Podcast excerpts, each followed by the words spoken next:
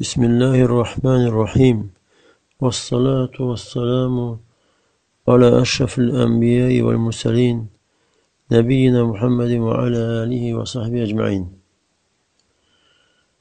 Həqiqətən sura, Fatihə surəsi əzəmətli, böyük surədir. Quranın surələrindən ən əzəmətlisidir. Və hər bir müsəlman da gün ərzində fərz olaraq 5 namazda 17 dəfə Fatihə surəsini oxuyur. Çünki hər bir rəkətdə, namazın hər rəkətində Fatihə surəsi oxunulmalıdır. Peyğəmbər sallallahu aleyhi və səlləm Buxari və Müslimdə gələn hədisdə e, deyir ki, La salətə limən ləm yəqra bi fatihətil kitab. Kitabın fatihəsini oxumayanın namazı yoxdur. Başqa rəvayətdə deyir ki, Mən sallə salətən ləm yəqra fiyhə bi ummil Qur'an fəhiyə xidac. Kim bir namaz qılar və o namazda Qur'anın anası, yəni Fatihəni oxumazsa, o namaz naqistir, tam deyildir. Və insan əgər nafilə ibadətlər, nafilə namazlar qılırsa və o namazlarda da Fatihə surəsini oxuyur, gecə və gündüz ərzində dəfələrlə, e, onda deyir, ay ərzində Fatihə surəsi gör nə qədər oxunur, ildə nə qədər oxunur.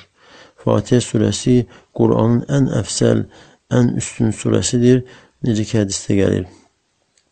Əbu Said İbn Muallə radiyallahu anh deyir ki, mən məsciddə namaz qılırdım. Peyğəmbər sallallahu aleyhi ve sellem məni çağırdı. Fələm ucibhu, ona icabət etmədim. Yəni getmədim. Dedim ki sonra ya Resulallah inni kuntu usalli. Mən namaz qılırdım. Peyğəmbər sallallahu əleyhi və səlləm dedi ki: "Ələm yəqulillahu istəcibu lillahi və lirrasuli izə da'akum lima yuhyikum." Məgər Allah demirmi ki, Allah və Rasuluna icabət edin, çağırışını qəbul edin, çağırışına tərəf edin, sizi sizə həyat verən şeyə çağırdıqda, yəni sizə həyat verən şeyə sizi çağırdıqda Allah və Rasuluna icabət edin e, bu özü dəlildir ki, Allah və Rasulunun bizə buyurduqları bizə həyat verən şeylərdir. E, sonra Peyğəmbər sallallahu əleyhi və səlləm sahabəyə deyir ki, dedi ki: "Ləuallimennəkə suratan hiyə a'zamu suri fil Qur'an." Mən sənə bir surə öyrədəcəm. O Qur'anın surələrinin ən əzəmətlisidir. Sən məsciddən çıxmamışdan əvvəl. Sonra əlimdən tutdu. Nə vaxt ki, e, məsciddən çıxmaq istədi. Ona dedim ki, sən demədinmi ki, mən sənə bir surə öyrədəcəm. Quranda ən əzəmətli surədir. Peyğəmbər Peyğəmbər sallallahu əleyhi və səlləm dedi ki: "Elhamdülillahi rabbil alamin, hiyəs-səb'ul məsani vel-Qur'anul azim allazi utituhu." Elhamdülillahi rabbil alamin. Yəni Fatihə surəsi və o 7 təkrarlanandır və əzəmətli Qur'andır, hansı ki mənə verilmişdir. Yəni 7 təkrarlanan ayələrdir. Hansı ki, hər namazda təkrar-təkrar oxunur. Bu, bu hədisdə sahabə namazda olur. Namazdayken Peyğəmbər sallallahu aleyhi ve sellem sahabəni çağırır.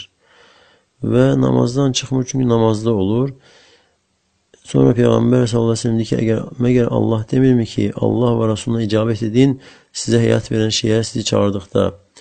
Yəni, əgər bu namazda ikən, namazda olan adamın Allah və Rasulunun çağırışına icabət etməyi bildirirsə, gör namazda olmayan, o insan ki dünyaya qapanıb, o insan ki bəzən də dəyərsiz şeylərlə məşğuldur və sonra o namaza çağırılır.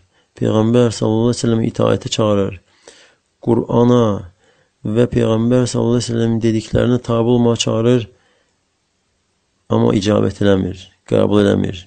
Gör, bu insanın halı necə olar? Və bu mübarək surə adları var, adları çoxdur. Yəni, adın çox olması adlananın dərəcəsinin böyük olmasına dəlalət eləyir. Necə ki, Allahın adları çoxdur, əzəmətinə dəlalət eləyir. Adlarından Fətihətül Kitab, kitabın açan, yəni e, kitab ilk açdıqda Fatihə surəsi ilə başlayır. Və həmçinin Səb'ül Məsani 7 təkrarlanan, çünki 7 ayədir. Əl-Məsani, yəni təkrarlanır hər bir namazda. Hər namazın hər rəkətində sən onu təkrarlayırsan. Bu da ancaq Fatihə surəsinə aiddir. Bu Fatihə surəsinin xüsusiyyətlərindəndir. Və həmçinin adlarından Əl-Qur'anul Azim, əzəmətli Qur'andır. Niyə görə Qur'an adlandırdı Peyğəmbər sallallahu əleyhi və səlləm? Halbuki bu bir dənə surədir. Çünki Qur'anın özündə əhatə etdiyi, şamil etdiyi hər bir şey Fatihə surəsində vardır. Qur'anın bütün elmləri, tövhid, əmirlər, qadağanlar, qissələr, yəni hekayələr və həmçinin xəbərlər hamısı Fatihə surəsində mövcuddur. Ümumi, icmali şəkildə və Quranda da mövcuddur təfsilatı ilə. Və həmçinin Fatihə surəsi əzəmətli nurdur və işıqdır. Allah Taala onu Peyğəmbər sallallahu əleyhi və səlləmə ikram olaraq vermişdir və onun ümmətinə də. İbn Abbas radiyallahu anh deyir ki, e, Cəbrail Peyğəmbər sallallahu əleyhi və səlləm yanında oturmuşdu bir gün. Səs eşitdi səmadan, göydən və başını qaldırdı dedi ki, "Hədə babun minəs-səmai futihal yevm." Bu səmadan bir qapıdır, bu gün açılmışdır. "Lem yuftah qattu illa yevm." Bu gündən başqa heç vaxt açılmamışdır. "Fənəzələ minhu mələkun fəqal" və mələk nazil oldu dedi ki, bu mələk yerə nazil olmuşdur və bu gündən başqa bu günə qədər heç vaxt nazil olmamışdır. Və salam verdi dedi ki, Əbşir bin Nureyni utitəhumə ləm yu'təhumə nəbiyyun qavlək. Salam verdikdən sonra dedi ki, müjdələn, sevin iki nurla sənə verilən səndən öncə heç bir peyğəmbərə verilməmişdir. Fatihatil kitabi və xavatimi suratil Bəqara. Fatihə, kitabın Fatihəsi və Bəqara surəsinin son ayələri lən təqra'a bi harfin minhuma illə u'titəhu ondan hər bir hərf oxuduqda ona görə sənə veriləcək. Yəni hər hərfinə görə savab veriləcək. Mən Fatihə surəsi e, Peyğəmbər sallallahu əleyhi və səlləmin və onun ümmətinin xüsusi yəni xasiyyət xüsusiliyindəndir. Xas olaraq Peyğəmbər sallallahu əleyhi və səlləmə və onun ümmətinə verilmişdir.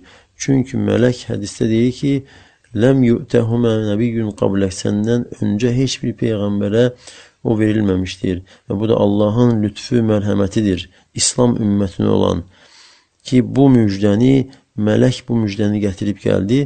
Amma Fatihə surəsi özü isə ondan əvvəl Cəbrail əleyhissalam nazil etmişdi Fatihə surəsini. Çünki Qur'anın nazil edilməsi e, Cəbrail əleyhissalamın yəni xüsusiyyətindəndir ki, Qur'anı vəhyi Cəbrail əleyhissalam nazil edir.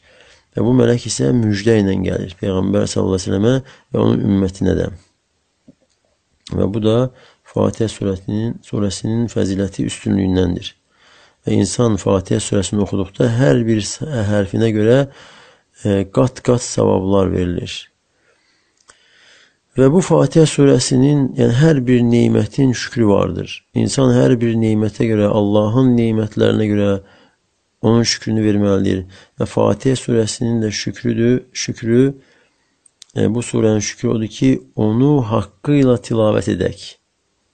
Doğru, düzgün şəkildə, düzgün anlayaraq və o surənin gərəkdirdiyi şeyə əməl edərək və Allahın insanlar üçün qoyduğu sırat-ı müstəqimdə doğru düzgün gedərək e, və insanın Fatihə surəsindən payı ancaq sadəcə hərfləri tilavət etmək olmalı deyil.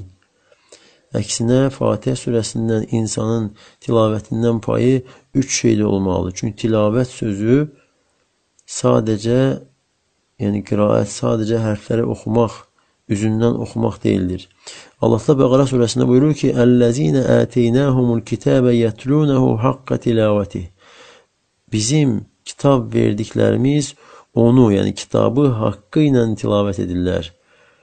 Tilavət nədir? Ərəblər deyirlər ki, tələ fulanun fulanən. Filan kəs filan kəsə tilavət elə, tələ elədi, yəni tabi oldu, ardınca getdi. Və bu surədə tilavət olunur həm hifzlə, əzbərlənərək, hərfləri düzgün çıxararaq, düzgün oxuyaraq. Və həm tilavət olunur düzgün başa düşərək, mənalarını anlayaraq və həmçində üçüncü də tilavət olunur.